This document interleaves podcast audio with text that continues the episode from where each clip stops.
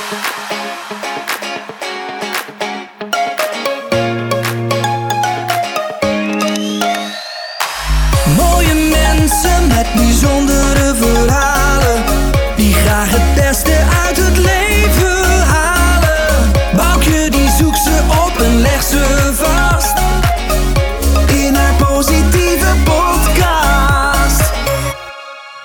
Positiviteitspodcast. Mijn naam is Boukje Jongendijk en vandaag is de gast Jasper Scholte. Op een van de mooiste zonnige dagen dit jaar zijn we afgereisd naar Schorrel en hebben wij een bezoek gebracht aan hem.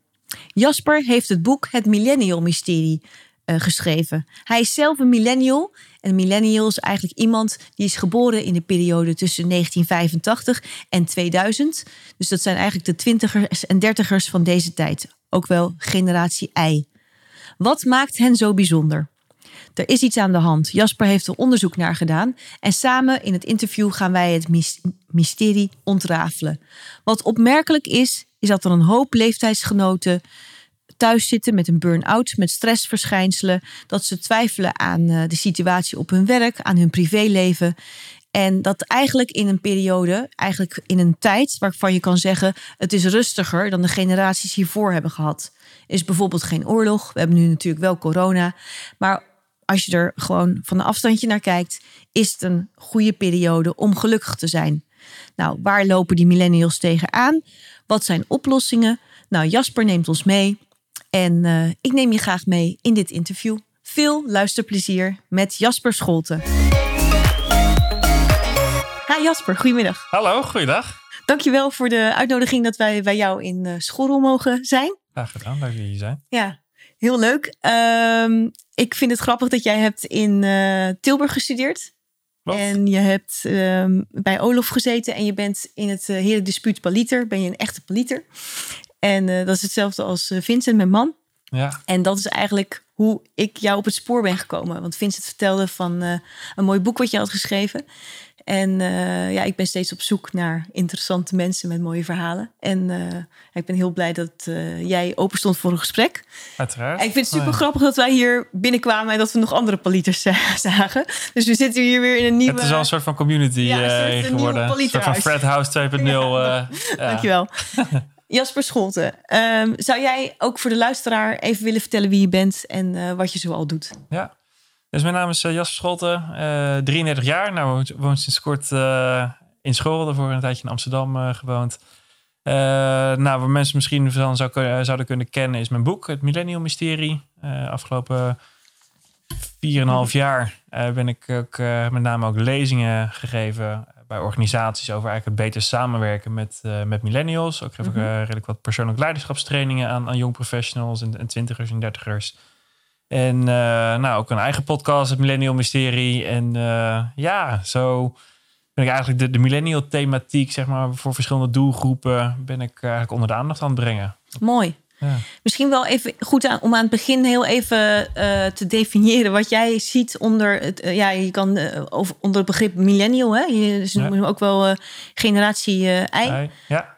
Wil jij aangeven hoe jij dat ziet? Van, Ja, dus ik heb mijn, mijn onderzoek, dit bouwt weer voort op het onderzoek van, eh, van Dr. Aart Botkoning. Hij is de eerste man, voor persoon ter wereld, volgens mij, die is eh, gepromoveerd op het onderwerp generaties. En die is op een gegeven moment in de jaren negentig, ja, is hij dus eigenlijk de, de generatieverschillen is die gaan, gaan onderzoeken. mhm. Nou, op een gegeven moment ook weer contact mee gehad. En eh, nou, ben dus eigenlijk ook mijn research ook weer voortgeborduurd. Ook weer op zijn research. We hebben ook samen ook nog wat, wat onderzoek gedaan. En de, die millennials generatie I, zegt hij, eh, begint pak een beet bij 1985 tot 2000. Ja. Ongeveer iedere 15 jaar is er een generatie in, in Nederland. En dat loopt nog wel eens verschillend met de, eh, met de Amerikaanse eh, kaders. En daar kunnen ze ook in de media is nog eens een keer verwarring hebben. Die is de millennial begint hij nou 1980 of Mhm. 1985. Soms hebben we over 82 of 86.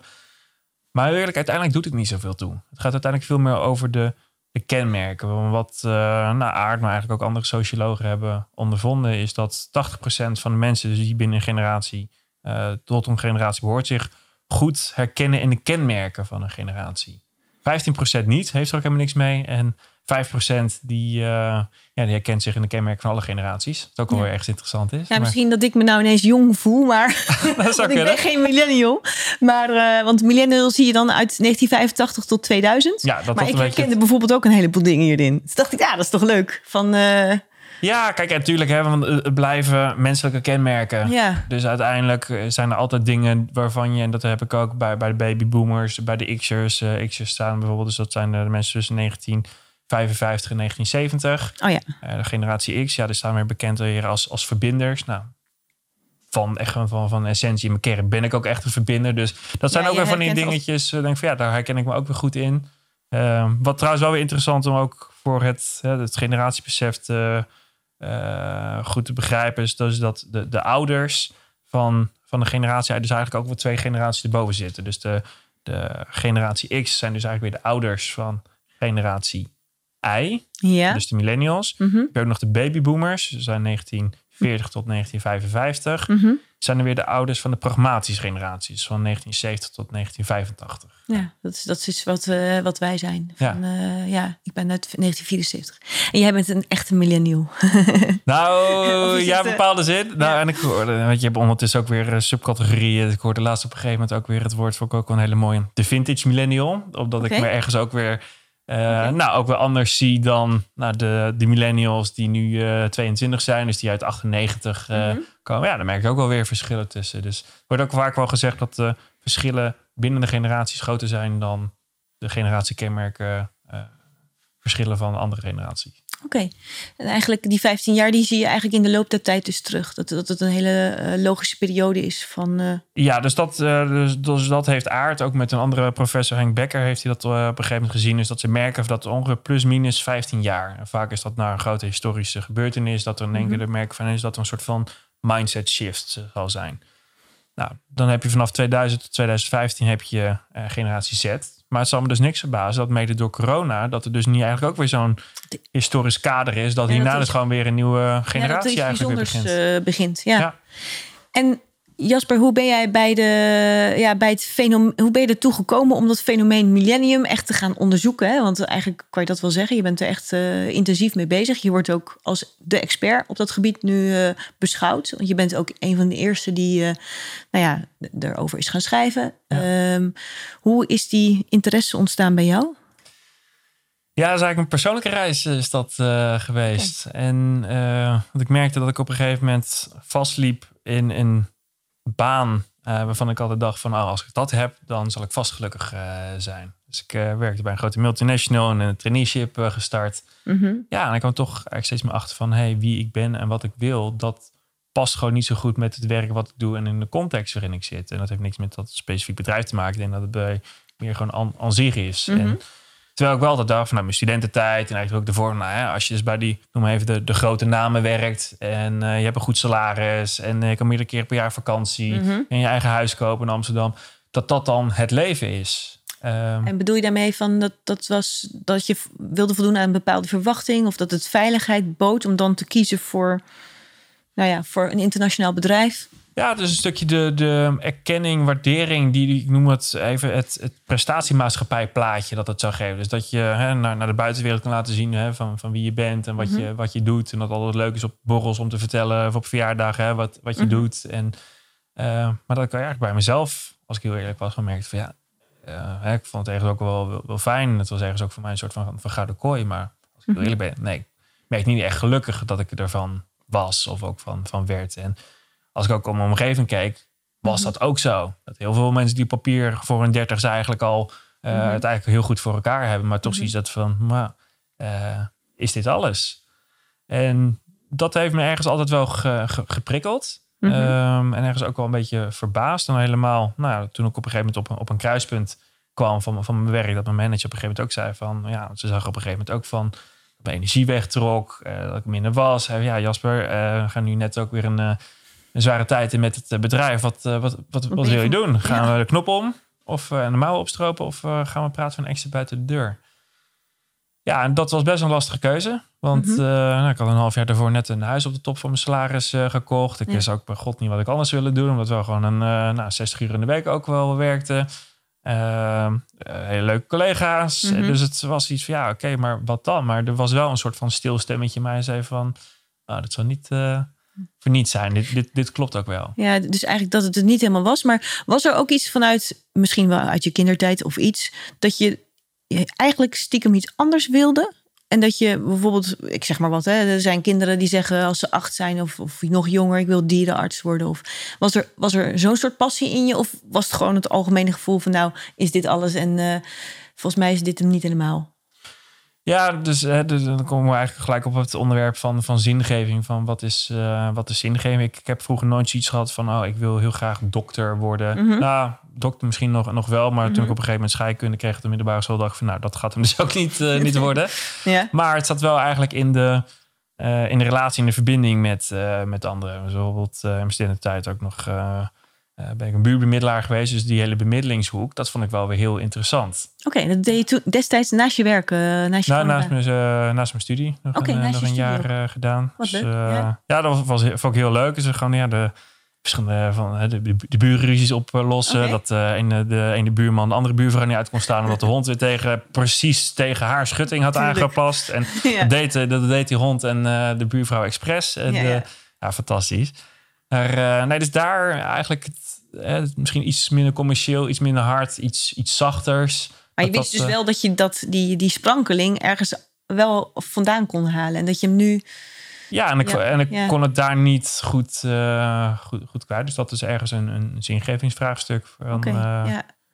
Althans, zo interpreteerde ik hem hem, toen. ja. Mhm. En eh, nou, toen uiteindelijk toch besloten, een lange week en wegen om, om weg te gaan. Ik had die eh, commencement speech van Steve Jobs, denk ik wel 50 keer in die week gekeken. Toen die manager ook zei van, eh, eh, Want even kijken hoor, ik heb hem wel eens gezien. Die zegt iets van... eh, van follow your heart Ja, en je eh, hart. connecting the dots. ja, en, dus de connecting the dots is even dat je achterom kijkt en wat, dat je kijkt van wat, Wat is er is nu, gebeurd. wat is er gebeurd en waar sta ik ongeveer? Ja, en dat ook heel duidelijk zeggen van, nou, als je gewoon merkt bij jezelf, als je een tijdje iets doet wat je niet gelukkig maar wat gewoon je energie trekt, ga iets anders doen. Ja, En ja, En geloof, geloof op het leven dat het ook voor je gaat, gaat zorgen. ja. En dat ja, begon steeds meer te voeden. En dan dacht ik ook van ja, maar wie ben ik nou eigenlijk voor de gek aan het, aan het houden? Want ik had wel zoiets van, nou weet je, binnen de organisatie, dat zou ik wel een, eh, zoals het heet, een organization effectiveness kant op willen gaan. Dat je dan veel meer gaat kijken naar organisatiecultuur en naar, naar team en ontwikkeling en leiderschapsontwikkeling. Maar dat had er wel betekend dat ik nog tien jaar lang voor mijn gevoel gewoon topsport moest leven om überhaupt daar te komen. En dan is nog de Mhm. kans groot dat ze ook nog eens een keer een externe consultant daarvoor aannamen. Ik dacht van ja, nee, dit, Had je het wel eens besproken eh, met je leidinggevende? ja, Met zeker. En dan kan ja, ik het ook eh, wel, ja. eh, wel goed. En eh, ja, ik was toen ook net weer wat bezig met eh, nou, persoonlijke ontwikkeling, en met spirituele ontwikkeling. Dus het werd ook al steeds duidelijker van hè, wie ik ben en wat ik wil. Ja, dat er gewoon steeds meer begon te, begon te wringen. Mhm.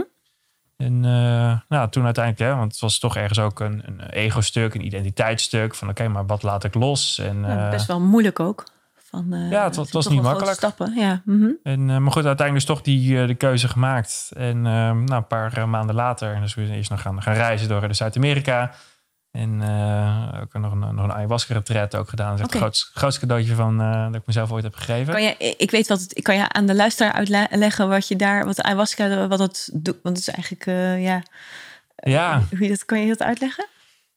ayahuasca dat is een, is een entheogeen middel. Dat is een, is een ja, zeg maar even een, een, een drankje, eh, zeg een soort thee... dat al duizenden jaren door, Ja. door shamanen, door de indigenous eh, wordt, eh, eh, wordt genuttigd. En Ja. je komt eigenlijk, zoals ik het een beetje vertaal... eigenlijk in een soort van lucide droom staat. Dus ja, je, je gaat eigenlijk naar een reisje maak je eigenlijk in je eigen onderbewuste. En je komt dus eigenlijk thema's tegen die... eh, je gaat naar thema's kijken van jezelf die je hebt, hebt onderdrukt. Of eh, die je hebt weggestopt. Of Mhm. eh, waar, waar pijn zit. En ja, daar zijn we, in ieder geval, althans, daar ben ik heel goed in geweest. Dat we gewoon lekker gewoon dingen onderdrukken. Weer op mijn, Mhm. mijn mind in.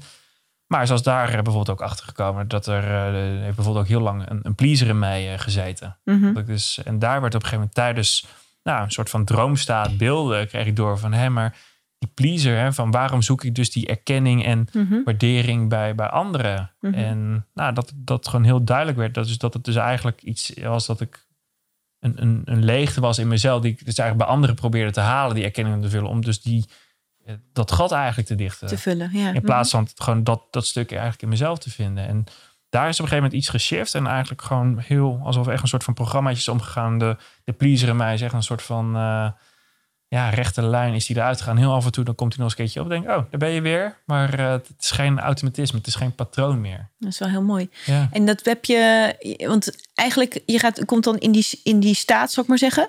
En daarna weet je dan nog die thema's die je dan bent tegengekomen. Ja, ik, ik, ik heb het nooit zelf gedaan, dus ik kan daar niet over meepraten. Ja, je, het is je weet dan daarna, eh, heeft iedereen zo'n, eh, want ik, ik, hoor, ik heb heel veel mensen daarover gehoord spreken. Er zijn boeken over geschreven. Maar heb, heb je altijd dat er zoiets bijzonders kan gebeuren? Of komen er ook mensen terug die zijn eh, vier sessies ayahuasca en eh, niks gebeurt? Weet je dat? Of, eh? Nou, als je een goede begeleiding hebt en een goed plantmedicijn, zoals het ook wel echt wordt genoemd, dan, dan gebeurt er eigenlijk altijd wat. En jij ging daar echt bewust heen van ik wil naar mezelf, ik wil zelf onderzoek doen, ik wil dat gebruiken ook om te kijken. Ja, waar ja, ik stond mee voor, mezelf, voor mijn gevoel echt op een kruispunt in mijn, in, in mijn leven. Dat ik niet goed wist van hè, wat, wat ik wil. Ik wist wel wat ik heb achtergelaten, maar ik had totaal geen idee van oké, ja, dan we met, met een huis. eh, Moet ik dan weer terug in loondienst om mijn hypotheek te kunnen gaan betalen? Ja. Of wat? Nou, Ja. is er iets wat ik dan, Mhm. waar ik eigenlijk de afgelopen jaren niet genoeg zelfreflectie eigenlijk heb genomen om te zien van Mhm. oké, wat wil ik dan echt? Ja, ja, dat dat voor mij een. eh, dat is voor mij de reden geweest om dat wel te gaan onderzoeken. Ja, en daar kwam ik wel ook gewoon in de rust. Want het was echt prachtig. Het was, in, eh, was midden in de jungle in, eh, in Peru. eventjes een half uur met, met, met de boot. We kwamen naar een prachtig complex. Spirit Quest heet het. en mocht je nog een keertje willen opzoeken. ja, leuk. Ja. En ja, het is één groot, één groot cadeau. Werd ook prachtig voor je, voor je gezorgd. En je zit Ja. er midden in de natuur. Dus je komt steeds meer ook gewoon tot meer innerlijke rust. En nou, toen kwam dus ook hè, de, de verbinder. Maar eigenlijk ook het stukje inspiratie. En dat ik ook merk van nee, ik zou rondom bewustzijnsontwikkeling zou ik wel wat meer eh, willen gaan doen. En eh, Mhm. nou, dat ik eigenlijk ook. Ik was daarvoor al een paar jaar ook wel bezig met stappen erin te maken. En ik van, hey, dat Mhm. zou ik eigenlijk ook wel graag willen meegeven aan anderen. Dus toen kwam eigenlijk het stukje trainer-coach kwam wel heel duidelijk naar voren. Want toen dacht ik van ja, god. Was net eh, eind 2015 net een beetje dat eh, de hele coach-boom van... oh god, heb je er weer eentje Ja, die, ja. eh, die weer gaat coachen. ja. Ik dacht van ja, nee, maar dat, stuk, dat empathische mogen wat, wat, wat in me zit... Ik denk van nou, ik denk dat ik wel een goede in Ja, zou je had zijn. natuurlijk ook die, die, die ervaring ook, van, ook met de buren, dat je daar blij van werd. Zeker. Dus je wist ook wel dat op dat vlak, misschien uit zo'n ervaring, dat je wist dat je daar ook goed in was. En, en ook, nou ja, wel zingeving in zag, denk ik. Ja, zeker. Nee, dus daar is dat, dat zat voor mij heel duidelijk. Maar toen was eigenlijk de volgende vraag van... oké, maar hoe ga ik me dan Ja, hoe ga ik positioneren? En dan, eh, het was, eh, even terugrekenen, was Ja, ik want dat is wel 28, heel 29. interessant, Hè? Want ik Ja. denk dat er. Ja, het is best wel mooi dat jij op eh, hele jonge leeftijd al met zelfontwikkeling bezig bent. Eh, er zijn natuurlijk ook mensen die ontdekken dat veel, pas veel later, of misschien wel nooit. Maar de, de, de stap die jij vervolgens hebt gemaakt, je hebt het tot echt werk gemaakt. En die, die is wel heel interessant. Want kijk, ik vind het ook heel erg interessant, al die onderwerpen. Maar het is ook wel knap hoe je dan eh, vervolgens een stap hebt gemaakt van hoe maak ik het concreet. Kan je daar iets Dankjewel. over zeggen? Van, Ja, dat... had je eh, meteen een idee van, nou, ik ga een boek schrijven en... Nou, ik, is de, de vraag toen eind december. Ik ben toen in november en eh, december toen, eh, toen op reis gegaan. En toen, nou, het enige wat ik een beetje had van, nou weet je, misschien richting trainer coach. Maar goed, hè, hoe ga ik Mhm. dan het positioneringstuk? En ook eh, nou, met mijn leeftijd denk ik van ja, 28, 29 kan ik mezelf wel genoeg serieus nemen. Ook naar buiten vertellen, hè, wat, wat, wat weet je nou? Wat, wat breng je nou voor ervaring mee? Ehm, maar ik eh, had dus via mijn eh, werkgever dus ook nog een outplacement traject uh, ze me nog aangeboden van hè, dan uh, het is ook echt keurig Mooi, prachtig ja. afgehandeld. Mhm. Echt heel, heel netjes, ook echt heel veel complimenten ook hoe ze dat hebben aangepakt. En ze zegt van nou hè, uh, not gonna let you hang to dry van uh, ga alsjeblieft ook nog ontdekken, want dat, uh, ja, dat, dat wist ik niet. Mm -hmm. Ik weet nog goed, het was uh, de eerste werkweek van het nieuwjaar, was in 2016. Mm Mhm. -hmm. En dat was uh, dinsdagochtend uh, half elf. Gingen van, van de treinen van uh, Amsterdam Lelylaan naar, naar Leiden. Want had ik dus een uh, gesprek met, met een coach. Mm -hmm. En we hadden een aanrijding hadden we onderweg. Met de trein? Ja, en ik zat uh, net uh, toevallig in de voorste treincoupé uh, onderin. En ja, net, net voorbij Sassenheim hoorden we dus wat. We voelden gebonk, we hoorden getik. Mm. En keek gelijk op van, het zal toch niet? En uh, andere mensen kijken ook zo op. Dan denk je, hoop je van, oké, okay, zou het een tak zijn? Is het een steen? Nou, de trein stil. En Mhm. eh, ja, toen was er een opmerking van de medereiziger, die zal ik nooit meer vergeten. Mhm. En dat, dat raakte iets heel dieps in mij. Dat was van, eh, ja, dat gebeurt altijd in het begin van het jaar. Mhm. En eh, dan dacht ik van, wauw. Of ben ik nou zo naïef? Of wordt dit normaal gevonden? Of misschien wel, wel beide. En eh, nou, die, die- dat coachgesprek ging dus niet meer door. We konden ze weer, weer ja. terug Mhm. naar op, een, op een ander moment. Maar binnen twee dagen kwamen opeens van CBS en Arbonet kwamen allerlei cijfers naar buiten van, van stress en burn-out. Dus eigenlijk de eerste echte keer dat het wat, wat meer werd gepresenteerd. Echt concrete Ja, echt gewoon data. Ja, data. En, eh, Mhm. en daaruit blijkt dus nou, dat de stress en burn-out cijfers flink waren gestegen. Maar het hardst waren gestegen in de groep 25-35. Dus de generatie I, de millennials. Mhm. En toen dacht ik van, hè, wat, wat is hier... En, En kan je, kan je voor, even voor de luisteraar en voor mij ook eh, eh, een soort duiden qua cijfers van. eh, eh, want millennials, ik weet niet hoe groot die groep is. Eh, ja, dus er was een, eh, een stuk van, eh, van, CBS dat kopte dat 100.000 van en zo... eh, Zo. ontdekte ik later 3,1 miljoen Nederlanders die dus tot de millennium Oh ja? generatie behoren. Ja. Dus thuis zitten vanwege te veel stress. Zo. Ja, ik kan een beetje voorstellen dat zijn steden als Delft, als Deventer, als, als, Nou, als Leeuwarden. jongens. Ja. Nee, ja, dat was dus gewoon alle inwoners dat dat dus Ja, dat millennials thuis zitten, zijn. ja. Misschien. Netflix, misschien nog ineens.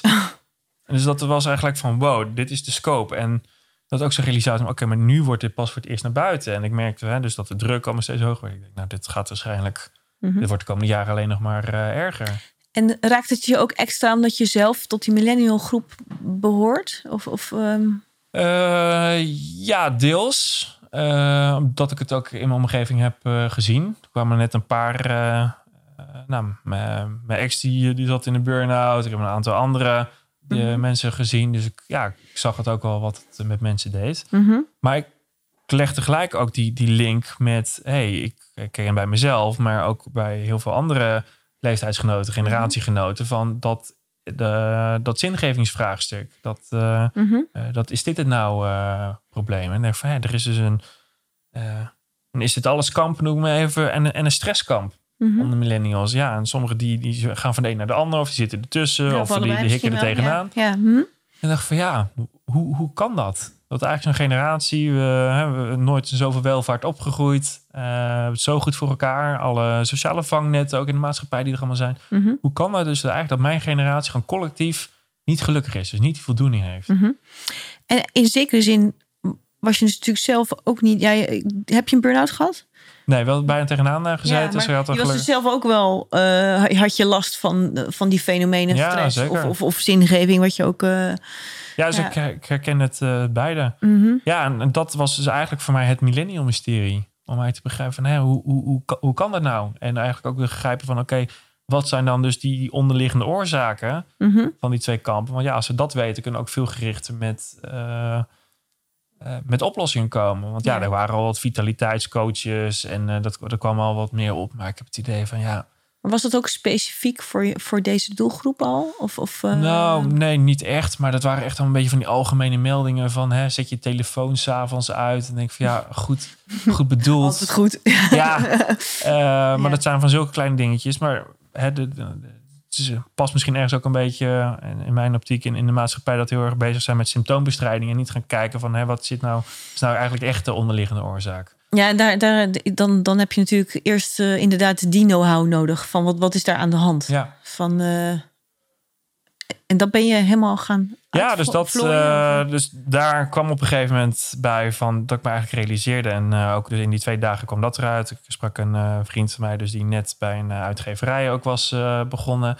En ik weet nog wel, dus twee dagen dus na die aanrijding lag ik op een gegeven moment in, in, Mhm. in bed. En in één keer kon ik zo goed slapen. En in één keer klikte er iets, een soort van inspiratie, waterval die over me heen kan. Keer zo klik, klik, klik, klik, klik overal van... Volgens mij mag gewoon een, gewoon, een, gewoon een boek schrijven hierover. Want dit is een, een, thema dat waarschijnlijk de komende jaren alleen nog maar, maar erger wordt. En dit is voor mij gelijk ook vanuit een zingevingsperspectief. Hè, hoe kan ik bijdragen, ook Ja. met, met oplossingen komen. Ga ik doen. Mhm. Nou, klein... eh, Had nou, je kijk, alles geschreven dan, of niet? nou, eh, klein beetje. Als voorzitter van de studentenvereniging, dus daar een paar, paar dingetjes. Ja, ja. Maar nee, geen, geen held in, in Nederlands. Ik vond het ja, echt ook wel leuk, maar ook een, een uitdaging. Maar als je die eerste stukken leest, het is echt bagger. Het echt bagger. Maar ik dacht wel misschien een beetje de, de trots, de millennial hoogmoed van... ik schrijf wel eventjes een, een boek. En Mhm. nou, dan ga je ook kijken hè, van, nou goed, als Mhm. eh, nou, wat hebben andere mensen gedaan? Nou, dan pak je natuurlijk weer juist de, de mensen eruit die binnen een maand, anderhalf tot zes hele weken gedaan over een boek te schrijven. Denk, moet ik dus ook kunnen? Ja, dat, dat komt, eh, wie komt er dan eh, voorbij? Dat is eh, de prestatiegerichte. Ja, volledig. ja. Ja. Volledig. En ja, uiteindelijk hebben we anderhalf jaar vijf volledig geschreven Ja. versies over eh, gedaan. Maar dat was ook uiteindelijk ook allemaal nodig om nou, dus dat onderzoek Nou, goed te pakken. En wat ik dan heel mooi vind, want eh vind ik eigenlijk wel leuk om even. Nou, le- leuk is natuurlijk anders, maar je hebt eigenlijk geschreven in, eh, op de mooie blanke pagina's voor jou dat jouw dood niet voor niets is geweest. En ik begrijp het zo, dat is toch dat treinongeluk Ja. eh, trigger geweest. we Ja, dat is boek wel heel mooi. opgedragen Ja, aan wel eh, de mooi. onbekende. Ja, Toen hebben nog mensen nog wel eens gevraagd van eh, nog eens achteraan gegaan. Ik heb nog een keer poging gedaan de politie te bellen om dat eh, te ja. doen. Maar nou, het was allemaal met privacy was het allemaal wat, wat Mhm. lastiger. Dan zou ik de familie graag nog wel een keer een boek eh, Mhm. willen geven. Maar ja, nee, dat, dat is voor mij wel een, een grote katalysator geweest om dit, om dit boek te schrijven. Ja.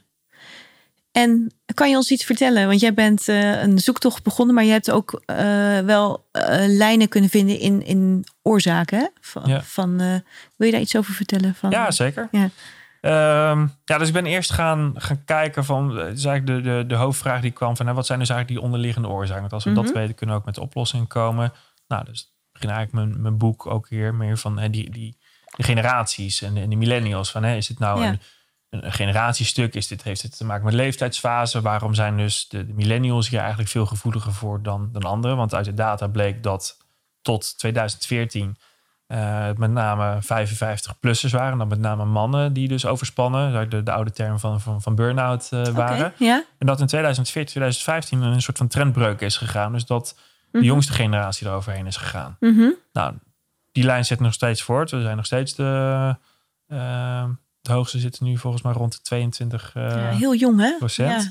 Maar wat je ook ziet de afgelopen met name drie jaar... is dus dat eh, de groep van eh 10, 20 ook echt flink aan het... eh 10 tot 20 jaar flink Ja, eh, want ik, het ik, had ook, ik vroeg me dat ook af. Hoe gaat dat nou verder? Stopt dat nu? Of, maar jij ziet dus nu al aan data Ja. dat het dus eigenlijk richting jongere mensen gaat.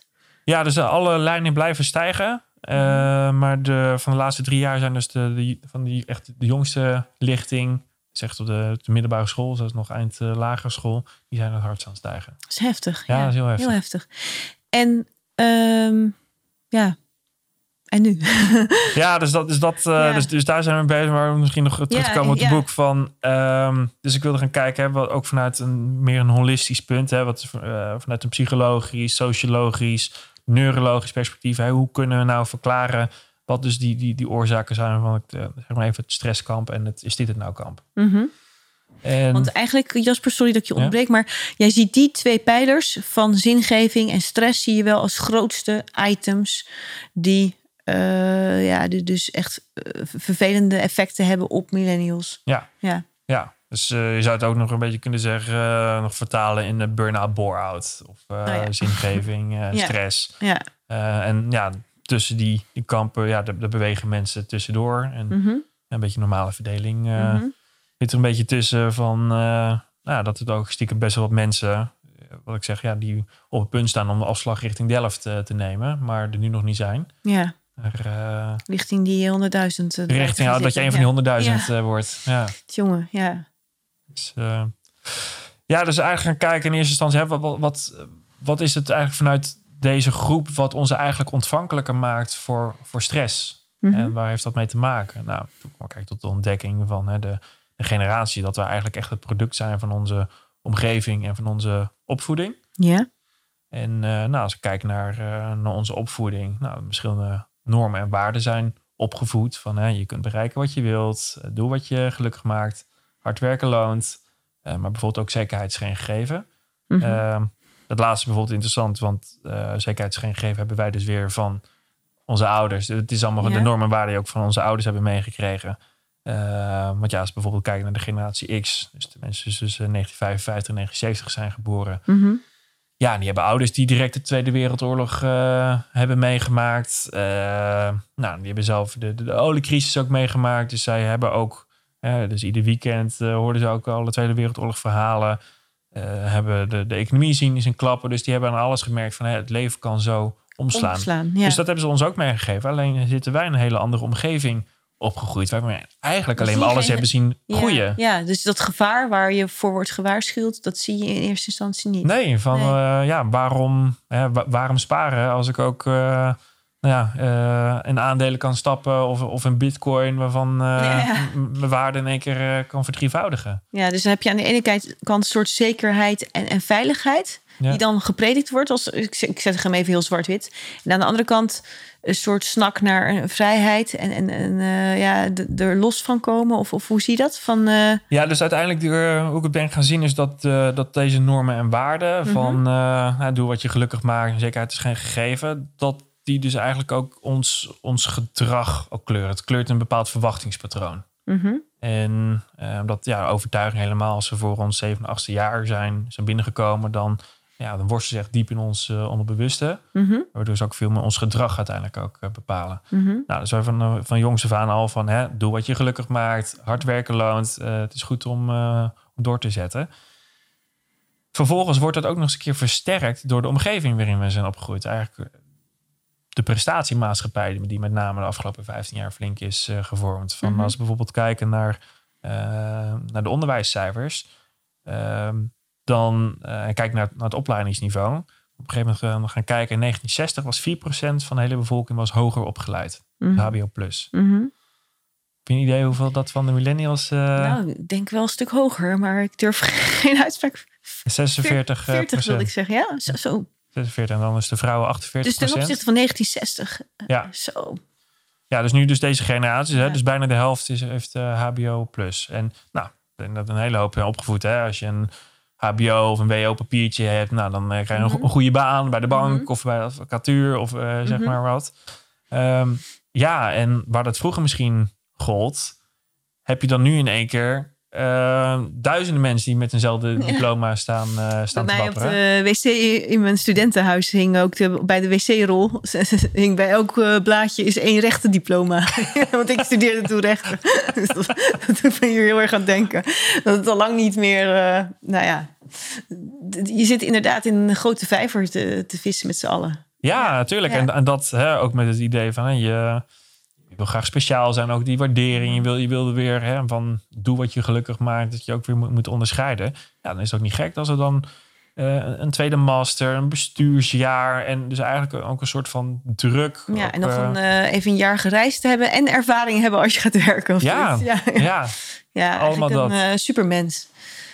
ja, Toch wel. ja, hè? en, daar, en dan Ja. ga je natuurlijk nat. Mhm. Want niet iedereen kan in die red race doorkomen. Nee, en wil misschien ook niet, hè? Van, en wil het eh, uiteindelijk ook niet. Want dat Mhm. is dus op een gegeven moment ook uh, waar je achter bent gekomen. Hè? Dus ik noem even die, die prestatiemaatschappij opvattingen. Ja, zijn die van jou of zijn die aangeleerd? Nou, dat je dat, als je dat ook gaat, gaat kijken, hè, is het echt van, van jou of ja, heb je dat aangenomen van anderen? Laat je je leven leiden door de verwachtingen waarvan je denkt dat andere mensen die van je hebben? Of zijn het je eigen verwachtingen? mhm. En dat gaan, gaan onderzoeken, ja, dat kan heel veel interessante inzichten geven. Van, uh, ja, hè, doe ik het eigenlijk niet stiekem omdat ik de erkenning of waardering van, van mijn vader uh, zoek. Dat ik uh, ook advocaat, de advocatuur ben ingegaan Mhm. mm -hmm. omdat pa of ma advocaat is.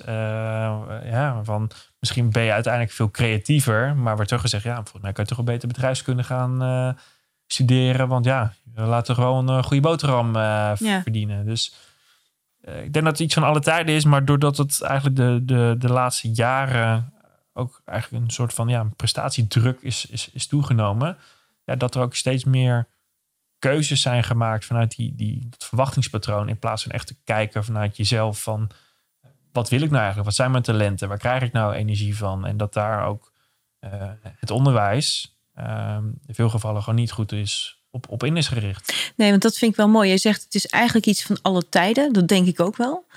Maar jij hebt ook wel een heleboel onderzoek gedaan met concrete feiten en zo. En, en, en getallen die ook wel verklaren uh, waarom het nu juist in die generatie zo is. Dat, dat vind ik dat jouw verhaal ook extra sterk maakt. Want gevoelsmatig dan denk je van ja, dat zou wel eens zo kunnen.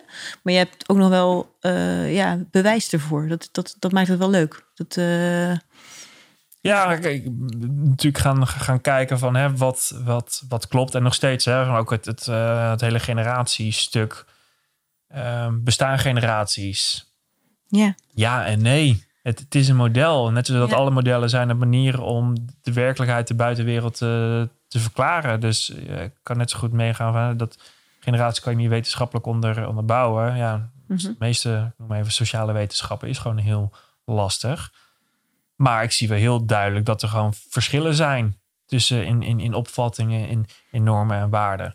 Maar dat dat ook, ook weer een kracht en een kans betekent. En dat is ook met name waar ik de laatste jaren met name op ben gaan richten, ook naar, naar organisaties toe. Omdat steeds meer organisaties kwamen van hey, het verzuim en het verloop van met name de jongste garde is dus ook omhoog gegaan. Hè? Want de, de hele linie gaat ernaar uit. Ja, dat merken bedrijven natuurlijk ook. Mhm. En hun kosten gaan omhoog. Dus dat ze op een gegeven moment ook merken van... wat moeten we nou doen? En dan is de eerste reactie van... oh, dat zijn luie en verwende millennials. Ehm, Mhm. En dat begrijp ik deels. Als je denkt van... nou, als eh, mensen binnen twee jaar eh, eigenlijk al, al uitvallen... dan denk je, wat, wat zijn dit voor, slappe happen? Eh, waar ik vroeger als advocaat nog... nog 80 uur eh, of, of 100 uur in de week, omdat ik heel graag partner eh, wilde worden. Gewoon zo'n zonder channel, zonder mokken dat ik het deed. en dat ze nu eh, Mhm. al eh, klagen als ze meer dan 50 uur in de week moet Dus, werken. je hebt ook dan eigenlijk ontdekt door die, met die organisatie te praten dat het begrip van de generaties dan ook bij elkaar. Ze begrijpen de, jongste garde in veel gevallen niet. En Nee. dat is de, gelukkig het laatste jaar begint het wel steeds meer te komen. Maar daar is uiteindelijk helaas ook de business case van de verzuim- en verloopkosten ook voor, voor nodig geweest. Ja.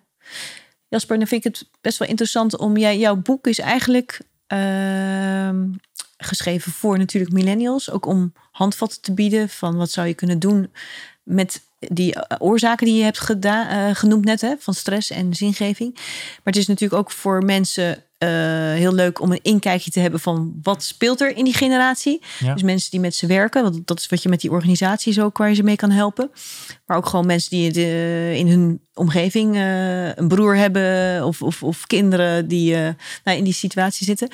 Kan jij voor de millennials zelf, heb je wat tips met die stress en die zingeving? Van, eh, want je hebt eigenlijk in je boek ook in het laatste, met name het laatste deel, hè, geef je best veel ja, mooie tips. Ook vernieuwende dingen. Ook best wel breed hè, op verschillende vlakken. Wat zijn nou dingen die in zijn algemeenheid kunnen helpen? Ja, dat is goed. Misschien nog even terugkomen op dingen van terug- even kort die onderliggende oorzaken. Want ik kwam er heel snel achter hè, van die hoge verwachtingen van millennials dat dat Ja. een, een strijkelblok is. Maar als je dat weer verder gaat afpellen, Mhm. dan kom je uiteindelijk op veel essentiëlere vraagstukken. En dat is van hè, wie ben ik en wat wil ik en hoe kan ik met eh, de grote prikkelproductie omgaan. Als we kijken naar, hè, naar de, de prikkelproductie en de consumptie, dan, dan zijn die heel hoog. toegenomen. hè? Ja, terwijl Mhm. onze hersenen niet eh, op eenzelfde exponentiële wijze zijn, zijn doorgegroeid. Dus daar eigenlijk ook een.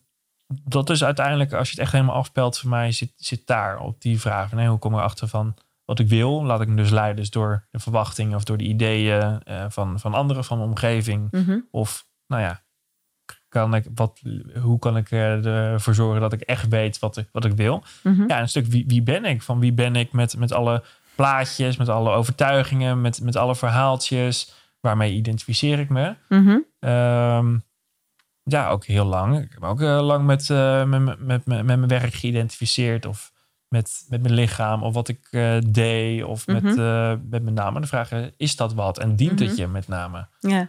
En eh, dus, dus daar zit volgens mij dus de, de, de eerste vraag. eh, en eigenlijk dus eigenlijk de, de oplossing om daarnaar te gaan kijken. ja, dat is best een hele moeilijke vraag. Ja, natuurlijk. En dat Ja. is denk ik ook, eigenlijk ook iets wat volgens mij je hele leven ook doorgaat. En dat je ook weer steeds nieuwe lagen gaat afpeilen. En net zoals een Mhm. ui kom je ook weer nieuwe lagen tegen. Ja, je krijgt misschien ook weer nieuwe rollen, omdat je eh, van alleen ben je ineens getrouwd of je Ja. bent een Ouder. ouder geworden of je bent straks een oma of een ja. Ja. Dus het gaat eigenlijk wel door. Maar hoe kan je daarmee, kijk, als je best wel in de put zit, hoe kan je daarmee aan de slag? Van eh, Als uh, om te beginnen bijvoorbeeld met, met stress. ja, Ja, dus de, de, de, stress eh, is dus eigenlijk hè, van. er zijn een paar manieren om ernaar eh, te kijken. Is dat er eigenlijk een, een disbalans zit tussen energiegevers en energievreters. mhm, Dus wat, goed, uh, wat mij bijvoorbeeld goed heeft uh, geholpen, is dus eigenlijk gaan, uh, mijn week gaan, gaan mappen. Van oké, okay, welke activiteiten doe ik, met wie spreek ik af, hoeveel tijd spendeer ik aan. nou, tot dan s'avonds een Netflix, Netflix film op de bank. Mm -hmm. En gaan kijken. Hè, en dan ook gewoon heel eerlijk zijn, kost het me dit energie? En, of levert het me energie op? Nou, toen kwam ik achter dat het dus me eigenlijk gewoon iedere week chronisch energie kost. Mm -hmm. Dus ik zit eigenlijk in een soort van negatief spiraal. Denk mm. Dus eigenlijk iedere week uh, haal ik wat eigenlijk van mijn energetische bankrekening. Haak totdat er uiteindelijk ja. gewoon in, in min staat. Ja, Mm -hmm. En dan, uh, hoe lang je zeg maar in het, in het oranje. Dus kom je uiteindelijk natuurlijk vanzelf in het rood. Mm -hmm. En dan gaat je systeem op een gegeven moment zeggen van... hé, hey, tot, uh, hier tot hier en niet verder. Ja. Um, een andere... wat mij ook enorm heeft geholpen... en ook heel veel heeft verklaard van... Hè, waarom zat ik nou eigenlijk niet op mijn, mijn plek... is mijn kernwaarde gaan gaan ontdekken en gaan identificeren. En dan nou, een makkelijke oefening zou kunnen zijn van hè, wat zijn nou de mensen die je echt waardeert of, uh, Mhm. mm -hmm. of ambieert. En wat zijn nou hun, hun eigenschappen. Of het nou Obama is of Steve Jobs. Van, hè, wat zijn nou die, of Gandhi, wat, wat zijn Mhm. nou die, die eigenschappen. Omdat dat vaak ook iets zegt over jezelf wat je belangrijk vindt. Mhm.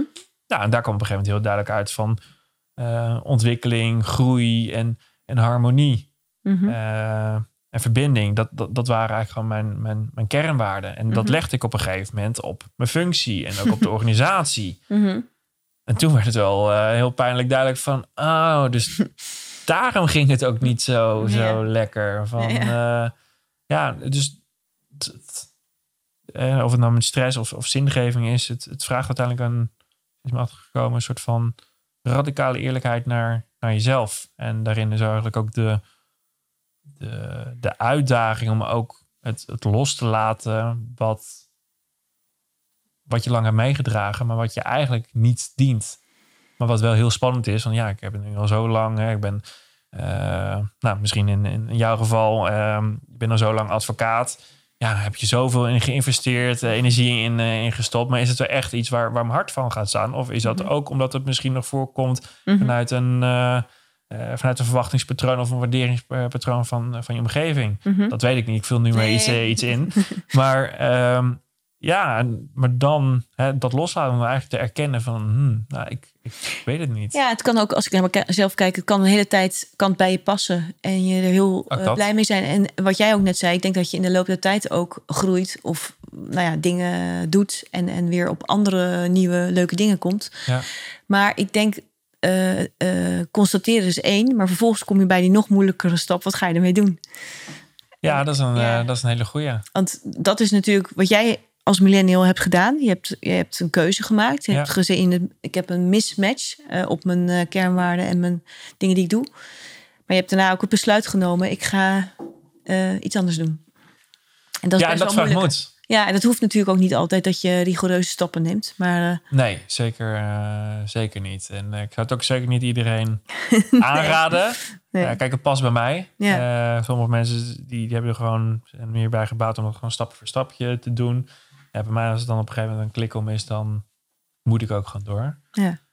Um, maar misschien nog ook een ander stuk, want dat slaat er eigenlijk ook heel mooi op wat je net zegt van waar we achter ben gekomen. Hè, van ook op de vraag van, van, van, van wie ben ik? Nou ja, dan Mhm. komen je kernwaarden komen heel dichtbij in de buurt van waar jij voor staat. Dus als je, Mhm. nou, je, je, je identiteit, je identificatie met, met je naam, met je lichaam, met je gedachten alles loslaat. Wat, wat blijft nou eigenlijk over wat mij mij maakt en, en, en Mhm. jou jou? Nou, dan kom je snel bij, bij waarden en andere kijken, nou, we hadden het eerder over, uh, over Tony Robbins. Van, uh, noemt ook van, van, van je gift. Van oké, okay, wat is nu echt die, die basis? En Stephen Covey van um, je, je voice noemt hij. Ik noem het dan weer Mhm. de, de kern. Van wat is nou eigenlijk echt Mhm. de kern, die unieke blueprint. Ja, dat dat voor mij een beetje op een snijvlak zit van je, je, je passie, je talenten, je behoeften en je geweten. En dat daar op dat snijvlak, dat dat zeg maar je echt je, je kern is. En nou, wat je ook net zegt, hè, van ja, je behoeften veranderen door het leven. Van, Mhm. Je wordt ouder of je hebt je Mhm. behoefte aan rust. Of uh,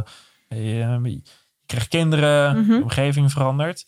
Dus dat blijft ook gewoon een, een constant uh, proces. Uh, en ook denk ik ook je interesse veranderen. Kijk, talenten zijn redelijk uh, kunnen nog, nog ontwikkeld worden, zijn misschien sluimerend, zijn misschien al uh, actief. Ja, maar dat blijft gewoon iedere keer weer, weer afstemmen. Ja, en, en wat betekent dat voor organisaties, als dat eh, met millennials?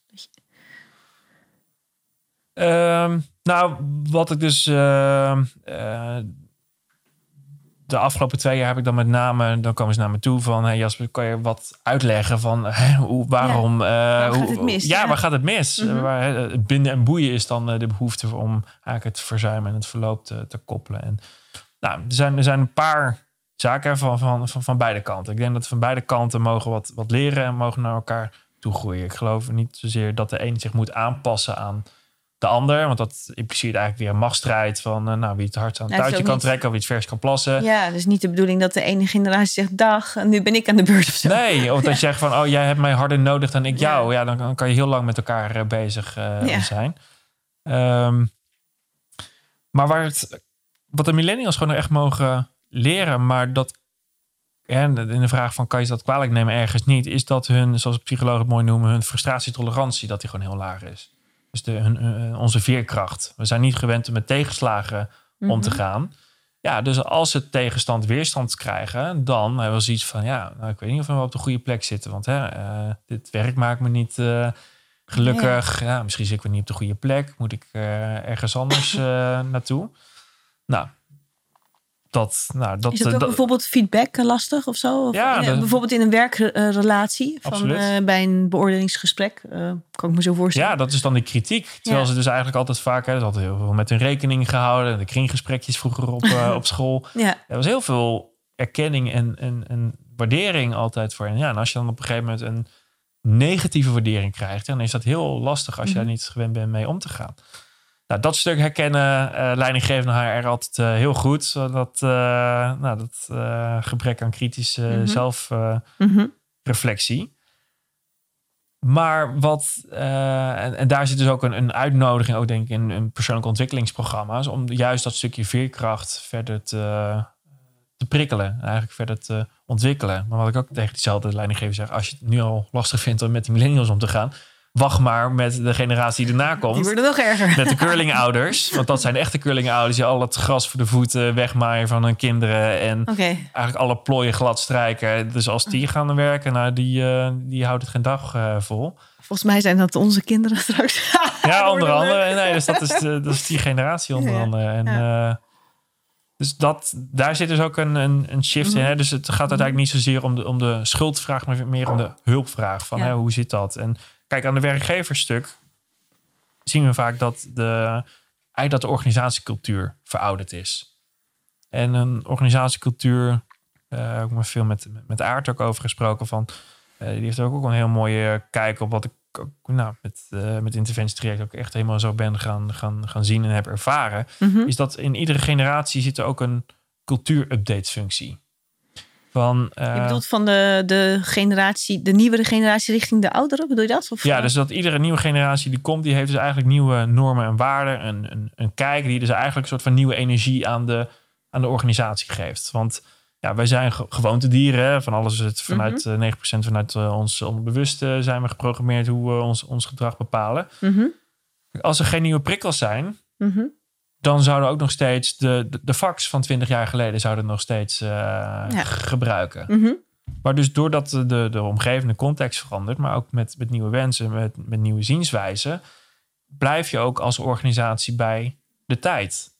En daar heb je dus ook de, de, de, de jongste generatie van, omdat die weer andere antennes hebben dan de oude generatie. Kijk, het voordeel van de oude generatie die al een tijdje zit, is dat zij de ervaring hebben, Ja. makkelijke strategische keuzes eh, kunnen maken. eh weten van, nou, dat hebben we al een keertje geprobeerd, dat kunnen we zo.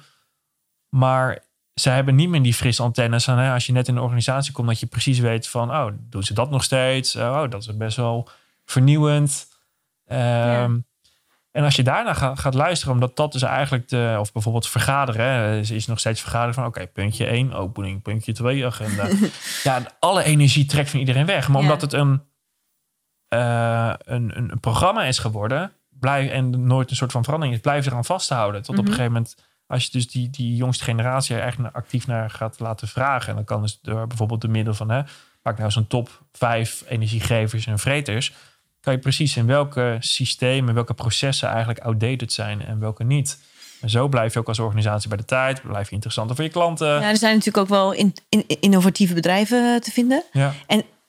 Zeg je dan eigenlijk van eh, de kracht zou hem ook zitten in een soort samenwerking tussen de, ja, ik ga het nu even heel zwart-wit, twee generaties. Dat je eigenlijk de een heeft zijn ervaring en kan dat, ja, dat is natuurlijk heel interessant ook voor jongere mensen. Hè? Want hoe fijn is het als je een, eh, een baas of een patroon of wat dan ook hebt die alles al heeft gezien en jou meeneemt, of in ieder geval jou laat zien, want dat mis je. Mhm. En hoe leuk is het weer voor de ander dat er nieuwe inzichten zijn, of dat een eh, vergadering wat anders kan, bij wijze van spreken. Ja, dat is een soort van mentoring en reverse Ja. mentoring eh, komt er dan eh, bij kijken. Dus Ja. dat uiteindelijk is, zit daar dus ook de, de vraag. En hè, misschien is het ook vanuit mijn verbindingstuk van... Ja, leuk. Ja, hoe, hoe kan je die, die match maken? Wat kunnen we eigenlijk van elkaar leren?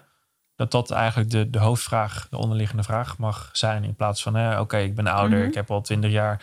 Ik heb eh 18 jaar gewerkt om hier partner te worden in dit bedrijf. Nu moet jij doen wat ik zeg. Ja, dat werkt niet, omdat Mhm. de...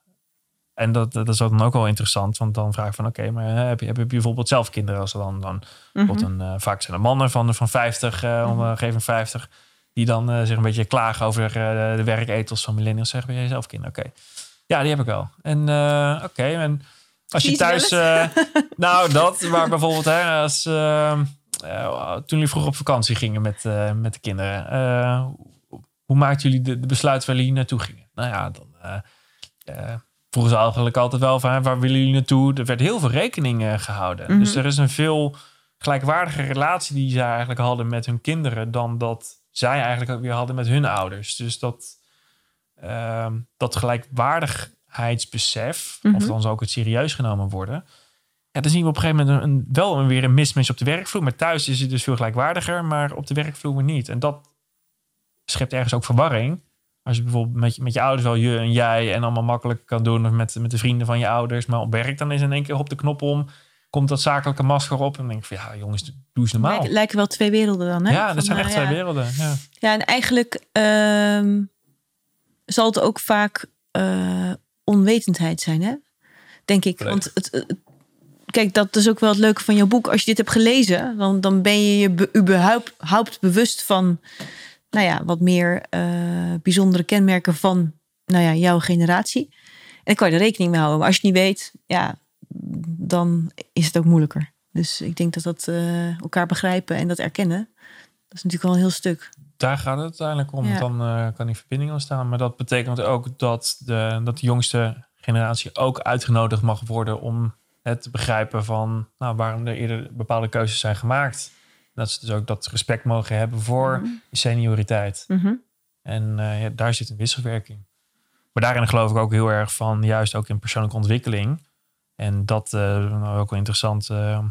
is twee jaar geleden uh, Millennium Onderzoek 2018, eh, is onder andere met, met Aard en Careerwise, Ja. groot onderzoek gedaan onder bijna 4000 Nederlandse millennials. Kijk, hè, wat zijn nou de top energie, werkenergiegevers en, en vreters? En onder andere kwam eruit dat ontwikkeling een hele hoge energiegever is. En dan op de vervolgvraag van, oké, maar wat bedoel je met de ontwikkeling? En welke ontwikkeling is dan belangrijk? Mhm.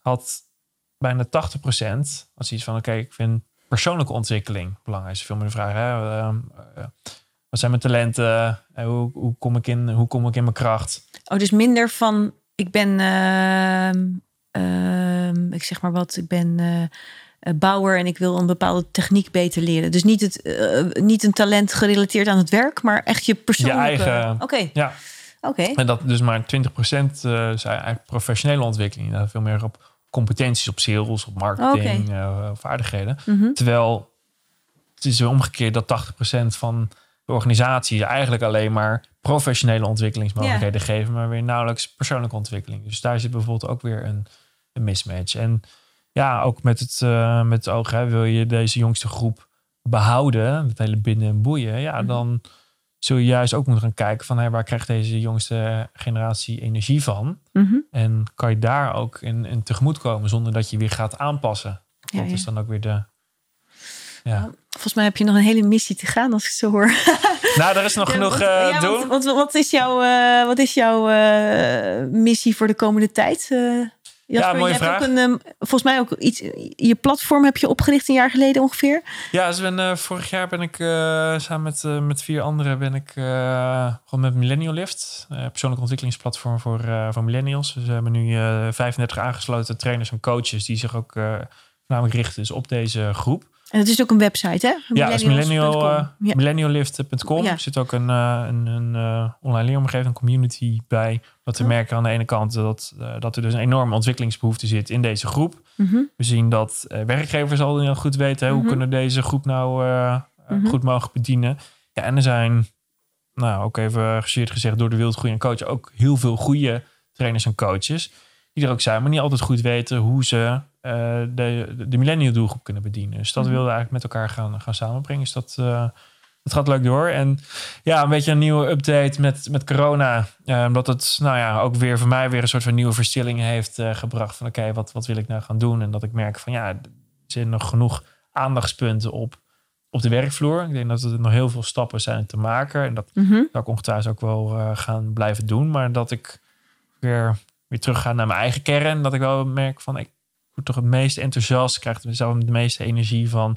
Om zelf echt veel meer zelf weer terug die inhoud in te duiken van persoonlijke ontwikkeling. En dus eh, ook veel meer gaan richten op de twintigers en dertigers met hun eigen ontwikkelingsthematiek. Om daar eh, nou, offline en online eh, trainingsprogramma's voor te maken. Oh, mooi. Dus dat we vanuit het Millennium Mysterie eh, ehm, ja, ben ik nu aan het, eh, aan het vormgeven. Dus eh, ik weet niet wanneer deze podcast eh, erop komt, maar ik hoop over twee weken dat het er staat. Ah, leuk. Dan staat, het, dan staat de podcast erop. Tof. En waar ben je dan? Wat is, waar is dat te vinden, Jasper? Het millenniummysterie.nl. Oh, dat, dat, dat wat je nu vertelt, Ja, dat is daar dus daar wil ik Ja. naar een aparte, naar een besloten omgeving. En vanuit daar ook dat er, er een, een, een online mastermind, een, een online teamcoaching voor twintigers en dertigers. We gaan kijken op het gebied van werk, relaties en gezondheid. Omdat de nuanceverschillen voor twintigers vaak weer net wat anders zijn voor de dertigers. Voor twintigers toch meer hè, met talentidentificatie bijvoorbeeld op werk. Voor dertigers is het vaak even met te maken met zingeving en, en bijdragen. Relaties, eh, ja, er zitten weer wat, wat haakjes is. Dus ja, ik wil op deze doelgroep zeker, doel, twee doelgroepen zeker blijven richten. Dus het ja, kleine reframe, maar eh, in de essentie blijf ik met hetzelfde bezig. Mooi. En ehm, nou had ik jou gevraagd om een, een bepaalde wijsheid, tegeltjeswijsheid, vind ik altijd leuk om van iemand te horen. En je had een hele mooie spreuk volgens mij. eh, Oh, dat is een goeie, heel eerlijk. Die, ja, je die had- was ja, volgens mij, ik kan hem je, als ik hem goed zeg, dat je mensen. beter wil achterlaten, dan ik Achterlaten, ze uh, ja. ontmoet. Dat is mijn eh mooi motto, ja. Ja, want is dat ook eh, je doel met, met als je met mensen eh, aan het coachen bent of, of eh, een gesprek hebt? Je laat mij in ieder geval mooier achter dan. Nou, dankjewel. eh, Dat, ja, dus uiteindelijk alle mensen die ik ontmoet, of het nou bij het benzinestation is, of, of op werk, vrienden, familie, van ja, dat iedere ontmoeting dat er altijd weer iets positiefs geraakt is. Kijk, en uiteindelijk het allermooiste is, vind ik vanuit die, die trainingsprogramma's of coachingsprogramma's, van als je echt die, die kwartjes ziet vallen en dat, dat je een shift ziet gaan, dat, eh, ja, dat, dat is goud. Eh, maar uiteindelijk van ja, iedere keer is weer maar hoe kan je zelf weer bijdragen aan een, aan een leukere wereld. Ja, maar zit hem dus eigenlijk ook in kleinere ontmoetingen. Ja, Ook, zeker. ook bij de bakker. En, eh, Ja, ja, leuk. Absoluut. Prachtig. Heb je zelf nog iets wat je graag kwijt wil? Ik ben ook heel benieuwd van eh, hoe, kijk jij nou eigenlijk naar mijn generatie? Nou, het grappige is dat ik, eh, dat zei ik je net ook, ik heb dit boek zitten lezen. En wij hadden het net in de auto over, omdat je natuurlijk ook paliter bent. Van, eh, wij kennen elkaar niet vanuit die tijd. Dat is toch echt wel tien jaar. eh, ja. Lekker. Ja, ik heb in mijn werk ook, dan kijk ik even naar mijn werk, gewoon hele leuke jongelui meegemaakt. Die eh, met heel veel passie aan het werken waren. Maar ik heb ook in een super leuke werkomgeving ge- gezeten in bouwprojecten. Met, waar we met een team ook werkten om iets van niks tot iets te brengen. Dus dan heb je ook, ja, dan krijgt iedereen ook die twinkeling in, in zijn ogen. We hadden mijlpalen. Je was met een team. eh de, ja, waren ook heel veel mensen aan het leren. Dus ik heb persoonlijk niet heel erg eh, de dips bij anderen gezien. Ik denk dat stress en zingeving, dat is ook iets wat in onze tijd gewoon speelt. En burn-out. Absoluut. Dus eh, ik vind alleen de cijfers die jij. Dat is echt voor mij ook nieuw in dit boek. Je hebt het ook gewoon helemaal onderbouwd.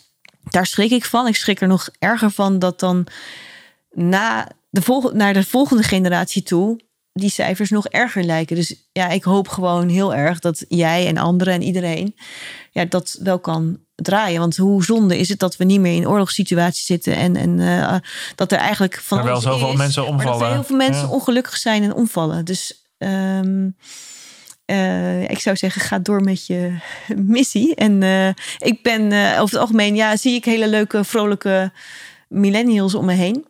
Maar eh, ja, die cijfers die hebben me wel eh, laten schrikken. Van, eh, dat, is, dat is wel echt een ding. Dus Ja. ik hoop dat we dat, dat jij dat met, met een heleboel om je heen eh, ja, ten goede kan keren. En dat ze je weten te vinden.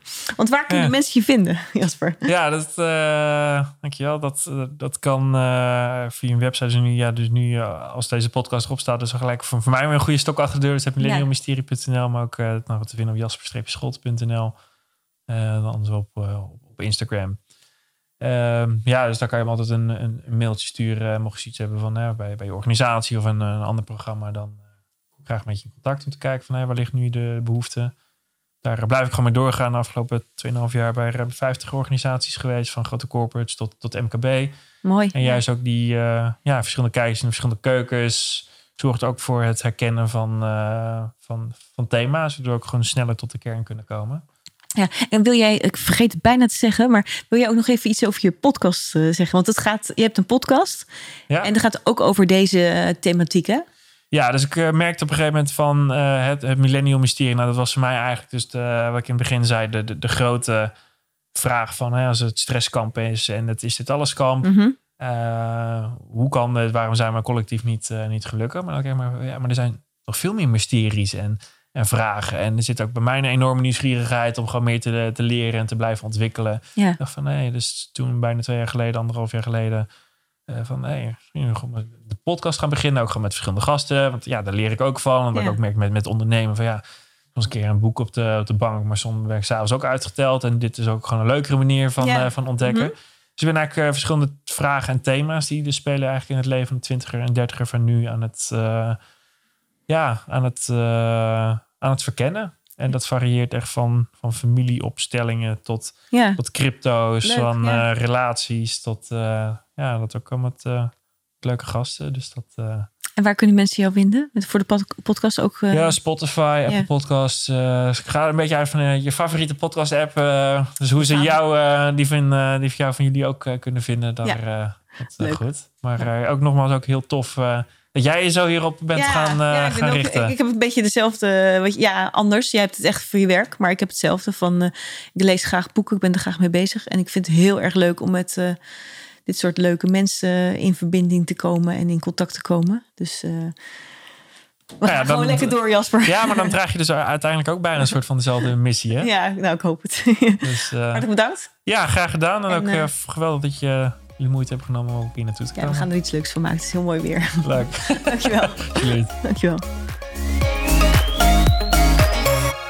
Bedankt voor het luisteren allemaal. En Jasper, hartelijk bedankt voor het leuke, gezellige gesprek. Wil je het boek van Jasper ook gaan lezen, wat een aanrader is, het Millennium Mysterie, dan kan je dat bestellen op zijn website jasper-scholte.nl. Er staat ook nog een hele leuke boekenlijst in, want eh, Jasper heeft een hoop aan persoonlijke ontwikkeling gedaan. Ehm, en verder eh, helpt het je om eh, de oplossingen voor al die millennials te bestuderen. Jasper heeft ook nog een mooie spreuk achtergelaten. Laat mensen beter achter dan dat je hen hebt ontmoet. Nou, dat heeft hij bij ons zeker gedaan. De kinderen hebben in een heerlijke tippie-tent gespeeld terwijl we dit interview aan het do- doen waren. Hij heeft ons een ontzettend leuk interview eh, meegegeven. En een mooi adres voor een heel erg leuk strand, wat we nog daarna hebben bezo- bezocht. Dus het is voor iedereen ontzettend leuk als je mensen ontmoet en je geeft ze wat mee. En je laat ze inderdaad beter achter dan dat je hen hebt ontmoet. Waarvoor dank, Jasper. Jasper heeft ook nog een eh, nieuw platform opgezet. En dat kan je vinden op millenniallift.com. En ehm, ook op social media, op alle bekende kanalen, kan je hem vinden. Dan tenslotte, wil je deze podcast om de twee weken absoluut niet missen? Ga dan naar mijn website en laat je naam en je e-mailadres achter. Want dan ben je al altijd op tijd voor de nieuwe episode. Hartelijk dank, fijne dag en tot de volgende keer. Dag!